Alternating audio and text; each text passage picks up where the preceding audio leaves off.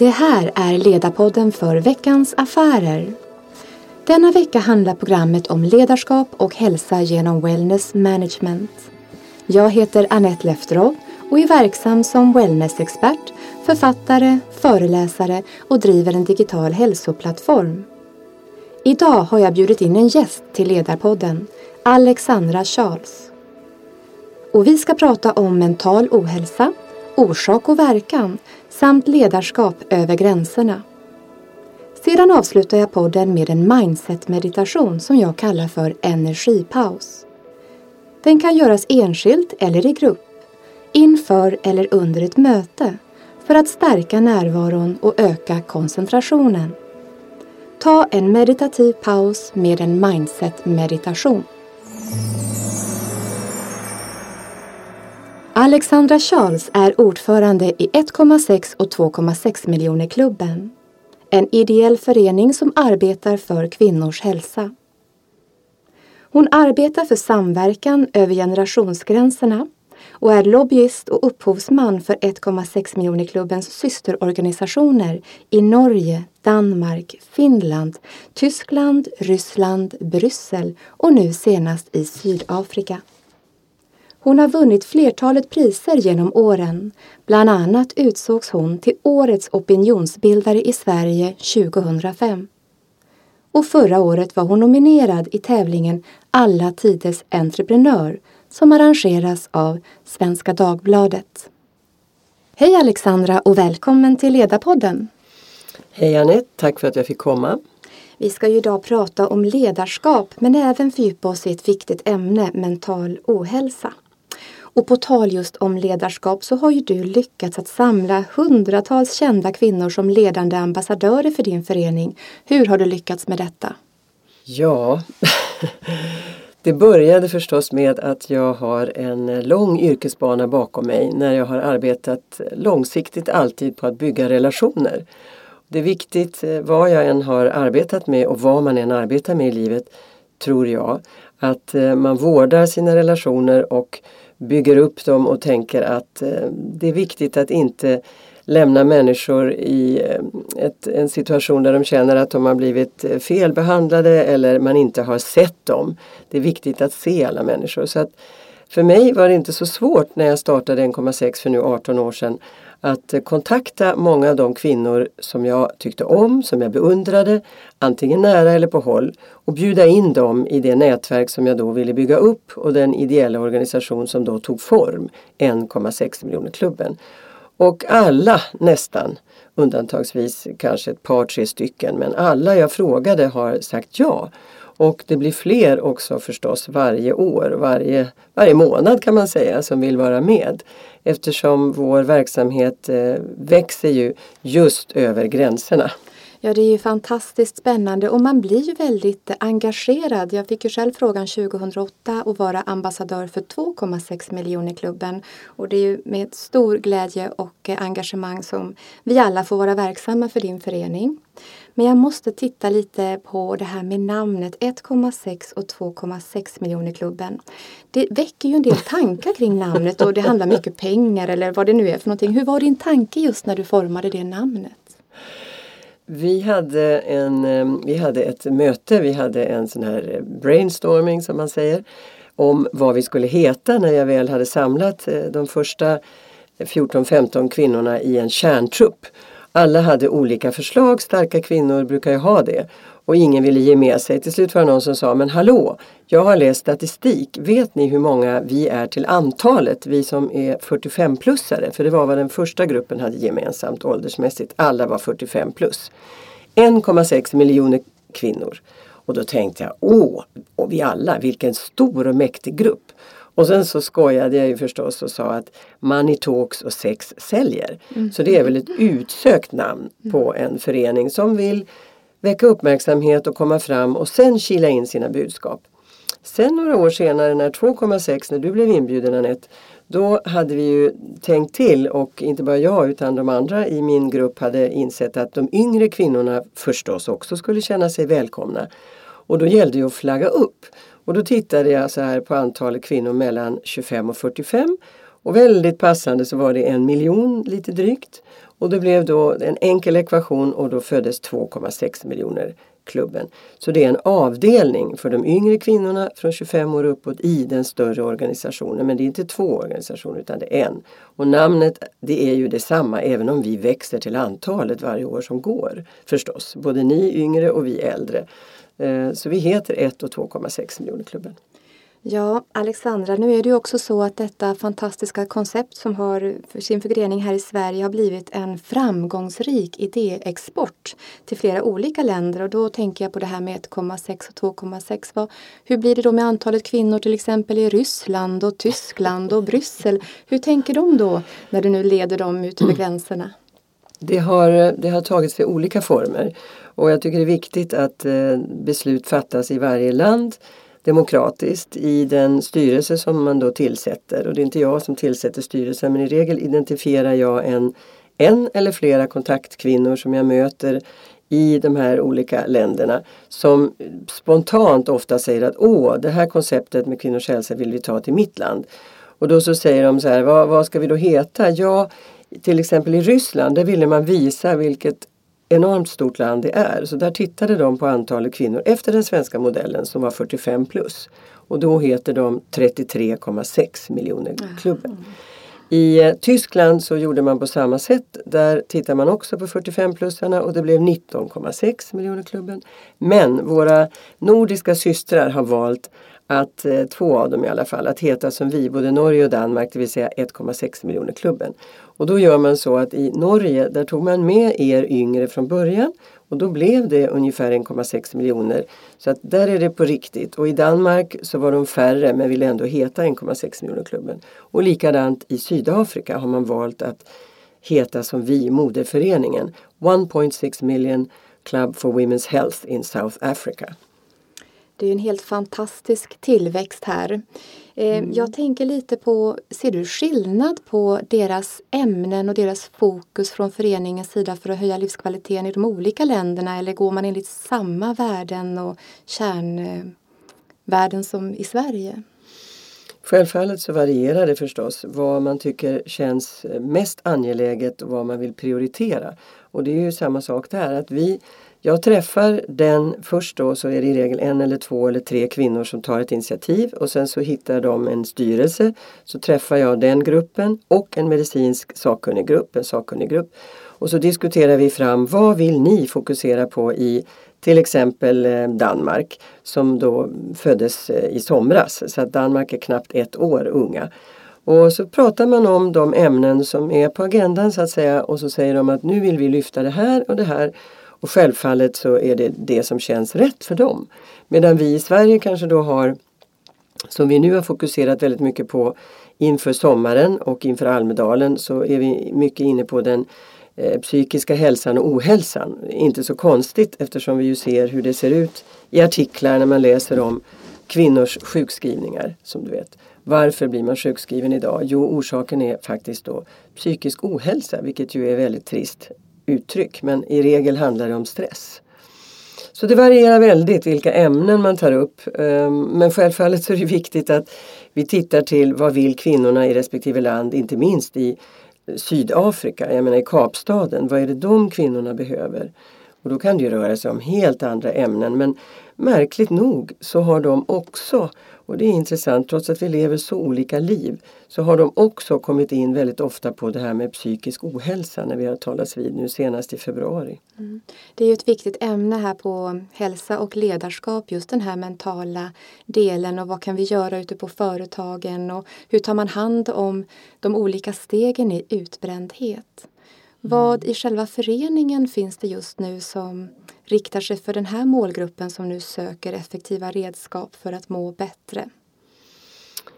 Ja, i, vår, I vår förening så försöker vi att sprida kunskap. Alltså vi är folkbildare, det är det ena benet och det andra benet är opinionsbildning och lobbyism. Så att vi sprider kunskap på, eller via ska säga, de kanaler som vi har. Och givetvis så är det då live, då är det seminarier föredrag. Och sen har vi också förstås en tidning och sen så har vi nyhetsbrev som skickas ut digitalt. Eh, och så försöker vi sprida kunskap via sociala medier även om vi inte är experter ännu men vi arbetar på det så vi blir väl bättre och bättre. Och sen så har vi ju dig som eh, till exempel är en av de hälsocoacher som eh, hjälper oss att, att sprida kunskap om hur viktigt det är med all slags, ja i ditt fall meditation och yoga och andning och sådant som gör att kvinnor kan eh, ta en paus eller börja dagen på rätt sätt och kanske på så sätt hitta sin balans innan det är för sent. Men eh, information är ju otroligt viktig när det gäller allt. Jag menar, det gäller att, att få ut budskap och få fram det till den målgrupp som det berör. Och då väljer vi olika vägar men, men eh, vi arbetar på det i alla fall. På ett väldigt bra sätt och jag skulle då vilja slå ett slag, tycker inte du också det Alexandra, för vår fantastiska psykologiblogg på 2,6 miljoner klubben som Gabriella Svanberg skriver. Mm. Absolut. Eh, visst, bland eh, 2,6 eh, ambassadörerna och i den kärntrupp som finns för 2,6, alltså er yngre, så har vi ju många oerhört kunniga, precis som i ettan, eh, framåt smarta, nytänkande, nydanande kvinnor och bland annat Gabriella Svanberg som, som skriver och bloggar och som hjälper till att förmedla sin kunskap som eh, psykolog och terapeut på olika sätt. Så att eh, visst, det ska vi absolut rekommendera att alla går in och tittar på och lyssnar på den också, Lyckopodd, en radio som, som vi har där man lyfter olika eh, sfärer som, som kvinnor eh, lever i och vistas i och påverkas av och genom. Det är mycket kvinnor här på dagens eh, tema men det som också är värt att nämna tycker jag också att alla är ju välkomna till 1,6 ja. och 2,6. Nu ska vi ju inte glömma bort alla män som lyssnar. Nej, till nej. Vad vill du säga till alla män som ja, lyssnar? Alexandra? Just det, det, det, är bra att du påpekar det. Jo, när, när vi skrev våra stadgar 1998 och det är ett tag sedan nu så var jag väldigt noga med att inte exkludera, framförallt inte exkludera män. För att om vi vill, och det vill vi ju, när vi vill påverka och förändra eh, livskvaliteten, apropå den goda hälsan till exempel, så är det viktigt att männen är, är införstådda, att män också informeras och vet vad det är som är viktigt. Vi försöker ju eh, av tradition tycker jag och, och, och hävd kan man säga, vi kvinnor, att alltid vara den i familjen som värnar om mannens och barnens hälsa, de gamlas, föräldrarnas, barnbarnens hälsa och så vidare. Och vi brukar vara den kvinnan i familjen som ofta skickar iväg om till exempel mannen är dålig. Det är det de själva eh, och börjar bli sjuk och sådär. Det är de inte så duktiga på själva tycker jag. Ehm, men män får vara medlemmar och vi har ju lika ofta män som föreläsare till exempel och som skriver också i vår tidning eller är med och, och um, diskuterar. Och i vår, uh, våra styrelser finns det män. Um, vi har män i, i den uh, medicinska sakkunniggruppen. Visserligen inte så många men de blir fler och fler i alla fall. Ja, man ser väl också ute på alla evenemang runt om i landet att det är både män och kvinnor som kommer och besöker. Ja, ja. visst. Oh, ja. Och sedan finns det ju ett nytt Eh, projekt sedan två i alla fall, är nytt och nytt men allt är ju alltid här och nu som jag brukar säga och det är ju hälsodagen som är på höst, eh, höstens sida av året. Och jag vill slå ett slag för, eh, vilket datum blir det nu? Den 13 september mm. tror jag att vi är redo att vara ute och göra en ny hälsodag i Stockholm. Ja. Hur ser du på själva det konceptet att sprida till allt och alla för där är barnen också väl och till och med hundarna är välkomna, är det inte så? Alla får komma. Jo, nej men eh, givetvis en hälsoförening kan inte bara sprida information som jag pratade om nyss eh, där man ofta sitter tyvärr och vi sitter ju alldeles för mycket. Alla lider vi av sittsjukan, nästan alla, kanske inte just du Anette men mm. de flesta andra. Och eh, skärmsjukan som Maj-Britt Helenius, vår hälsoprofessor i Sverige, livsstilsprofessor ska jag säga, brukar säga. Men eh, därför vill vi ha en interaktiv dag, eller väldigt aktiv dag, även fysiskt aktiv. Där eh, vi lockar alla att komma och säger alla får vara med oavsett ålder. Ta med dina barn eller ta med din mamma eller dina kollegor eller dina kompisar och kom och var med. Och då är det så att man får prova på olika former av motion, rörelse, allt från det du förmedlar det är sådana som eh, i Stockholm är det ju då till exempel eh, Susanne Lanefelt och sen så har vi eh, andra yngre som är med också och gör eh, Friskis och Svettis brukar ha gympapass och vi har också samba som man får prova eller dansa zumba får man göra. Och sen då givetvis dina, om det så är yoga eller, eller vad heter det nu, yoga lates? Ja, det är en salig blandning. Jag tänker på det. Men eh, framförallt något som vi ska göra lite senare i podden och det är ju mindset-meditation. För nu är det mycket fokus på vad man kan göra när man lyssnar. Så att senare ja. så ska vi bara andas, meditera och då brukar jag säga att det är bara lyssna och hänga med. Mm. Och på tal om det då som jag brukar säga mindfulness, meditation, yoga, alla dessa hälsometoder är så viktiga idag just för att dämpa stress. Mm. Om vi går tillbaka lite till temat mental hälsa eller mental ohälsa. Mm. Eh, tittar ni på någon skillnad här på vad gäller män och kvinnor på den delen? Utbrändhet till exempel? Jo, jo det, det är ju dessvärre så har jag lärt mig genom av våra experter som, som jag lyssnar och läser mycket vad de skriver och säger och det är att, att det är oftast kvinnor tyvärr som främst går in i, som vi säger i Sverige, väggen eller som blir utbrända Eh, som helt enkelt eh, tar på oss för mycket. Vi, vi, det är det här ansvaret att vi, vi eh, tar på oss själva alldeles för mycket att göra. Vi anser att vi ska vara duktiga förstås, högpresterande, vi ska vara uppdaterade, vi ska vidareutbilda oss och eh, man ska träna, apropå det du talar om. Man ska vara snygg, man ska ha ett vackert hem. Eh, allt ska vara så lyckat och det här är ofta tyvärr grunden till det som blir för mycket eh, påslag av alla krav som ställs på den här individen. Och då är det oftast kvinnorna som först inte eh, orkar längre. Och det är också för vi har den största bördan när man går hem från jobbet och går hem. Så finns det ju många studier som visar hur din puls ökar när du, när du kommer hem istället för att den då ska gå ner kanske som det oftast gör på mannen. Ehm, så, så blir det så att kvinnorna måste tänka på det och det och det och det. Och visst, många män tar eh, pappaledigt, många män är hemma med sina barn men inte ännu vet vi så, så mycket, så stor omfattning som kvinnorna. Så att det är oftast kvinnorna som har faktiskt den här obetalda arbetsbördan som vi ju talar om. Och det blir en stressfaktor och det är därför vi ofta eh, då får stressrelaterade problem. Och det är ju förfärligt. Men det kan börja med såna enkla saker som att det är svårt att sova, svårt att koncentrera sig, eh, man har svårt att fokusera, eh, ständig gnagande oro, dåligt samvete. Och då är det ju viktigt ju Anette, att du kommer in i bilden och berättar och, och påpekar att hit men inte längre. När man ser och känner de här tecknen då är det dags att bromsa. Mm, jag brukar ju kalla det för en slags eh, bergposition då som är min favoritposition i yoga. Och Det handlar ju om att eh, hitta den här balansen som gör att stressen inte hinner att reagera. För vi pratar ju mycket om det här idag att man tänker att man inte ska gå in i väggen och så plötsligt så har man gått in i väggen, att det finns mm. inte så mycket mellanrum mellan insikten och det faktum när kroppen och tanken slutar och fungera så som man är van vid. Mm. Och då brukar jag säga att bergpositionen handlar ju om att skapa en medveten närvaro och en eh, kännedom om sin kropp och hur man fungerar så att man kan plocka upp signalerna innan de mm. hinner att sätta sig i kroppen. Och det är det här som ofta glöms bort på den här tiden man stressar och plötsligt så är man bara där. Mm. Och lite det som man upplever när man träffar de här, både kvinnor och män, är ju en slags osäkerhet och rädsla för att man känner att man inte fungerar. Sådana här vanliga saker, man kan inte fungera med mobiltelefonen och alla de här olika funktions problemen plötsligt blir ju en väldigt stark rädsla och stress i tanken.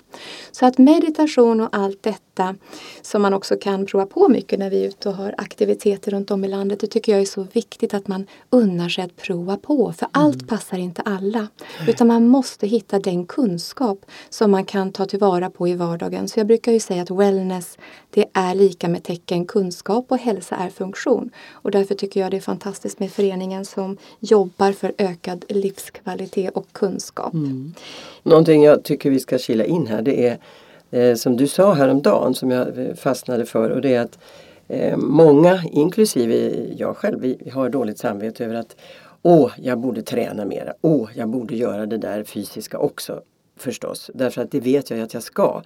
Och så hittar man inte tid eller det kommer in saker som måste tas om hand och så plötsligt är det kväll. Och då sa du så här, om man börjar dagen med den där kvarten eller jag kan till och med vara så att jag, jag säger att tio minuter tycker jag också ibland faktiskt eller oftast räcker. Men att göra rörelser eller att andas och vad man nu hittar för form men att göra det direkt när man vaknar och då vet man att som du sa, då är det undanstökat och då behöver du inte gå omkring och ha det där dåliga samvetet. Nej, jag tycker det är det första man ska göra sig av med på morgonen och för ja. överhuvudtaget inget dåligt samvete Nej. för det blir så mycket energi som går det. Och ja. det är ju det här talesättet en kvart om dagen som inte bara Arne Tammer nu säger utan vi har en annan bekant ja, här. Ja, Paolo Roberto Ja, förstås. precis och han kör också morgonträning. Man kan följa honom på Instagram klockan sex varje morgon. Han är ja. ute och springer och joggar. Men nu är det ju vi som säger det. Ja, du Anette ja, och jag, jag Alexandra. Så nu säger vi AA.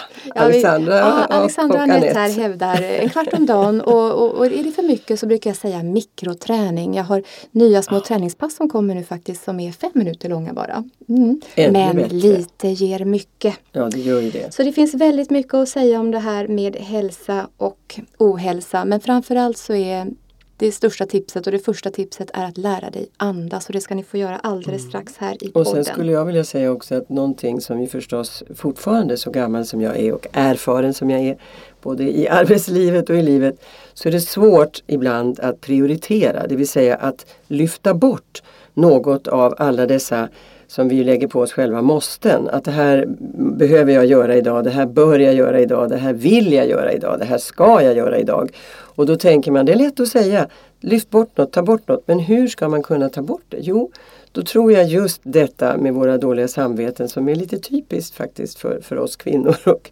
duktiga eh, flickor som vi ju kallas.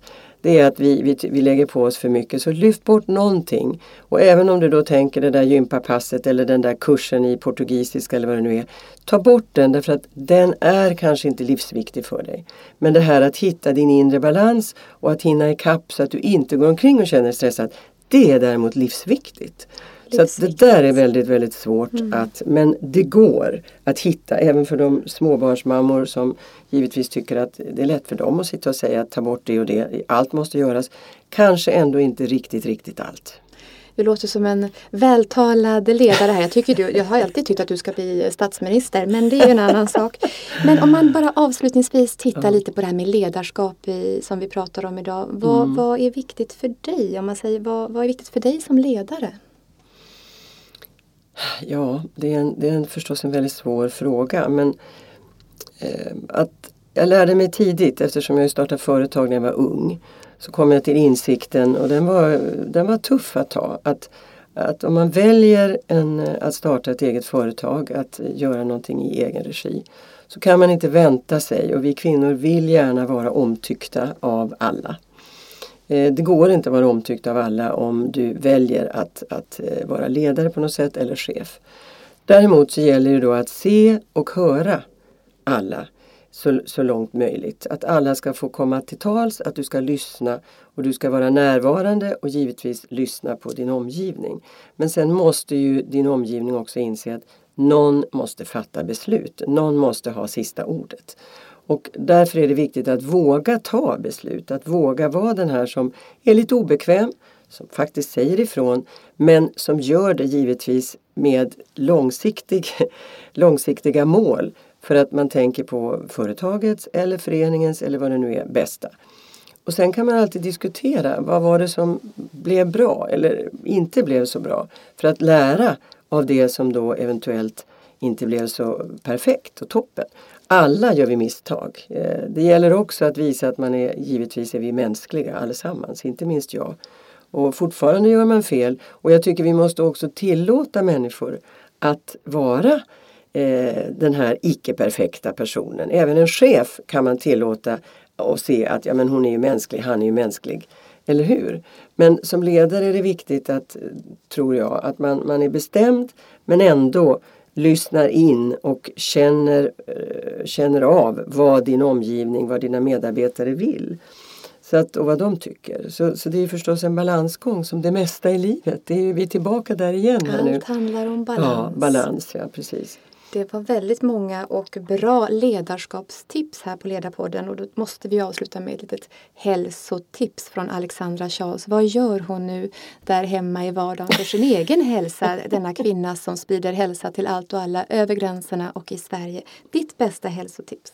Nej men eh, det, det, bästa hälsotipset är förstås att vi måste unna oss att ha roligt ibland, eller så ofta du har, möjlighet, att bejaka det vi tycker om. I mitt fall är det mycket kultur. Eh, jag älskar musik av all slag. Jag tycker om rörelse också och när jag då inte tar mig eh, till gympapassen eller så, så, så gör jag det hemma. Det vill säga rörelser, jag börjar som du, jag börjar faktiskt i sängen. Eh, att göra rörelser, att, att, det har jag gjort länge, att jag cyklar och eh, jag gör vissa, vissa rörelser som är svårt att beskriva här men eh, sen gör jag lite på golvet faktiskt, lite armhävningar och eh, lite försiktiga eh, stretchningar och töjningar. Och eh, sen så, så, tar jag en liten eh, krigsdans. Och det lärde jag mig av... av ja, just det här det, låter spännande för mig som jobbat mycket med dans. Vad kan det vara för någonting? Nej men när man eh, river loss och eh, stampar och, och eh, ja, nästan som en flamenco kan jag säga. Säg flamenco då, det låter bättre. Mm. Eh, någonting åt det hållet. För att få igång hela kroppen, hela systemet. Och um, då har ju alla, vid det laget har alla liksom eh, andar vaknat. Jag så ser är det framför mig det här krigsdans med Alexandra Charles. Vi måste genast filma och lägga upp på webben. Eller vad säger ni alla som lyssnar? Ja, vi tar flamenco ja, tror jag. vi tar flamenco istället. Nej, ja. men det här med att ha roligt är också viktigt. Ja. Eh, sätt på musik du tycker om. Jag älskar att lyssna på, för, för att gå ner i varv så är det klassisk musik. Men för att komma igång så är det ju då sånt man kan dansa till. Och bara det gör att, att eh, humöret kommer och man blir glad och i och med det så energin och, och då flödar allting och då är det påslaget och då, då kan jag gå ut och möta världen. Mm, det, och det gör du ju bokstavligen också. Ja det gör jag. Du möter världen. Mm. Och om man sitter här nu, det är ju måndag idag och vi eh, är på Ledarpodden men det är också en nyhet som går ut idag. Det är ett nytt koncept som lanseras och 1,6 eh, och 2,6 miljoner-klubben ska ge ut ett nytt hälsopris. Och nu alla ni HR-chefer som sitter och lyssnar, nu kommer ni snart att kunna vara med och vinna årets hälsopris. Mm. Vad, eh, vad säger du om det? Att lansera hälsopris känns ju förstås eh, som eh, oerhört eh, fantastiskt och roligt och fint och angeläget. Därför att vi måste få alla, både du och jag och alla andra, erkännande. Vi måste få känna att, och märka, märka tydligt att det vi gör uppskattas. Så att uppskatta människor, det vill säga att nominera de som är duktiga inom vad det nu är för, för sfär eller för område. Det är ju någonting som vi är lite dåliga på i Sverige, att berömma varandra tycker jag. Så vi kan inte nog dela ut eh, priser, uppskattningar utan att det blir inflation i det för det ska ju vara på riktigt ändå, ärligt. Men eh, den som jobbar hårt, den som är målmedveten, som har Eh, inställd på att eh, göra, att sprida kunskap eller entusiasmera dem i sin omgivning som behöver det, apropå hälsa, de ska vi lyfta fram.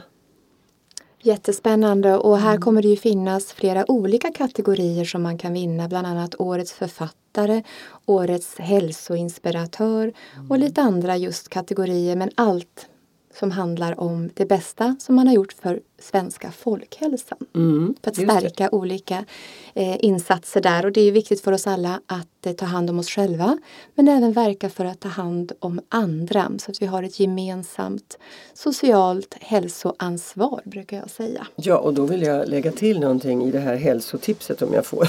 Mm. ehm, för det första när man börjar dagen så är det också viktigt med en bra frukost hoppa inte över den. Men så skulle jag säga engagemang.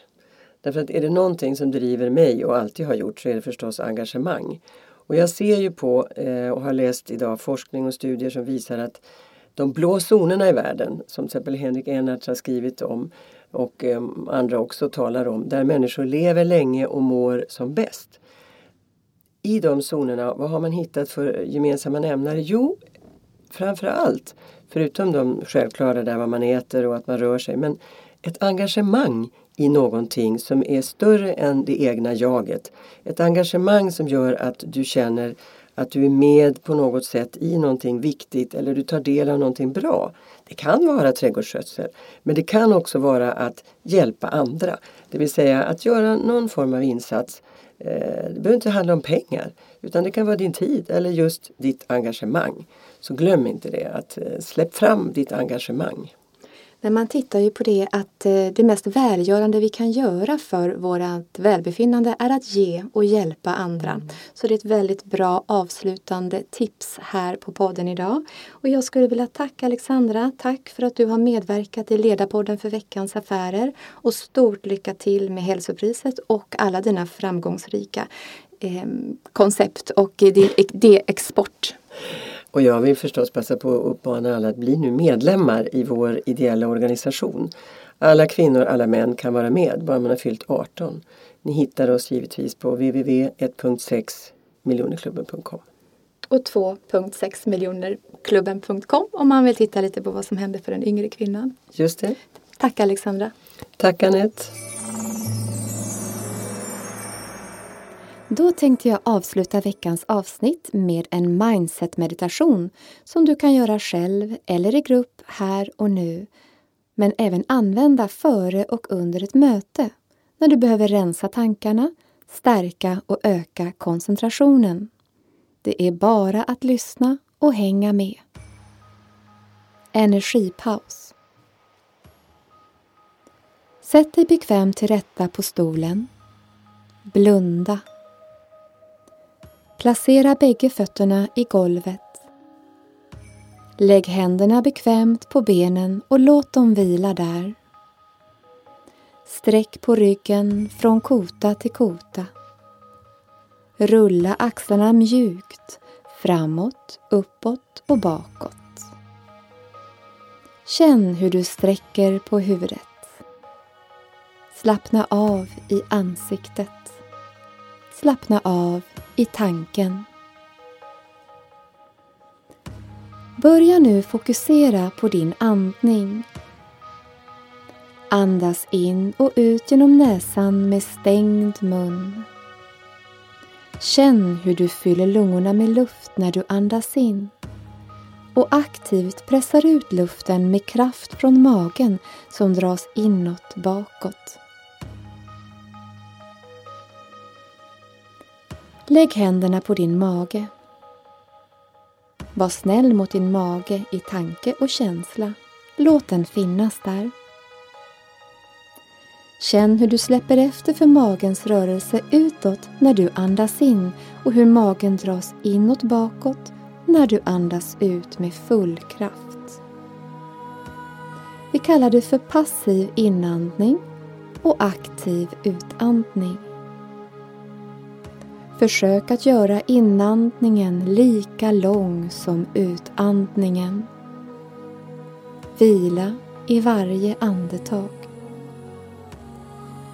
Vila inom dig själv.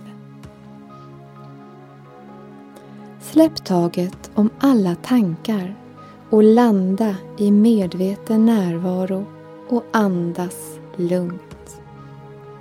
Fortsätt så. Andas in ny energi. Andas ut all trötthet. Andas in närvaro. Andas ut frånvaro. Andas in klarhet. Andas ut oro. Andas in harmoni. Andas ut all stress. Andas in lugn. Andas ut krav, stress och press. Fortsätt att andas. Andningen är det bästa redskap vi har för att enkelt och effektivt dämpa stress, öka vår medvetenhet, få tillgång till vår förmåga att fokusera och agera. Samla vår kraft och koncentration här och nu. Andas in och dra nu dina axlar upp mot öronen i en mjuk rörelse. Andas ut och sänk dem mjukt tillbaka ner. Vi upprepar. Andas in och för axlarna upp mot öronen för att släppa på små spänningar. Andas ut och kom tillbaka ner. Andas in och rulla nu mjukt dina axlar framåt uppåt och när du andas ut så för du dem sakta tillbaka. Och vi upprepar. Andas in och rulla mjukt axlarna framåt, uppåt. Andas ut och för dem bakåt, sakta. Sträck på ryggen. Fortsätt att andas lugnt in och ut genom näsan. Du är här och nu, kraftfull och närvarande. Öppna ögonen lite lätt. Ställ dig sakta upp utan hastiga rörelser. Placera dina fötter tätt ihop så att fötterna möts. Sträck nu på hela kroppen och placera dina händer med handflatorna mot varandra framför ditt bröst. Blunda eller fokusera blicken på en punkt framför dig utan att uppmärksamma i tanken vad du tittar på. Låt blicken vila. Andas in och lätta på trycket mellan händerna och när du andas ut så aktiverar du ett kraftfullt tryck mellan händerna. Fortsätt så. Slappna av när du andas in och aktivera styrka och energi i kroppen när du andas ut. Passiv och mjuk inandning. Aktiv och kraftfull utandning. Känn balansen mellan vila och aktivitet i varje andetag. Sänk armarna ner längs sidorna av kroppen. Lyft sakta upp vänster fot framför dig och börja balansera på höger. Uppmärksamma din andning och låt den vara lika så avslappnad och medveten även när du utmanar din balans. Sätt ner foten och byt nu till andra sidan. Andas lugnt hela tiden. Låt blicken vila på en punkt. Vi balanserar mellan balans och obalans. Vilket är vår dagliga utmaning och möjlighet.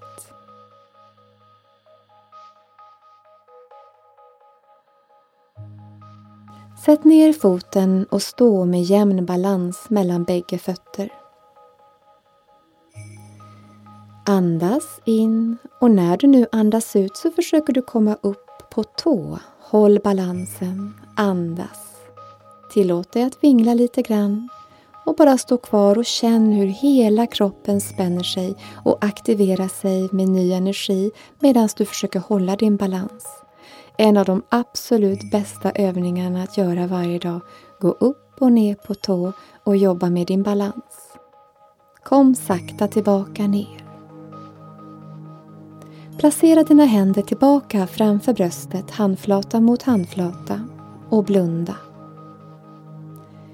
Nu vill jag att du sätter en intention för resten av din dag.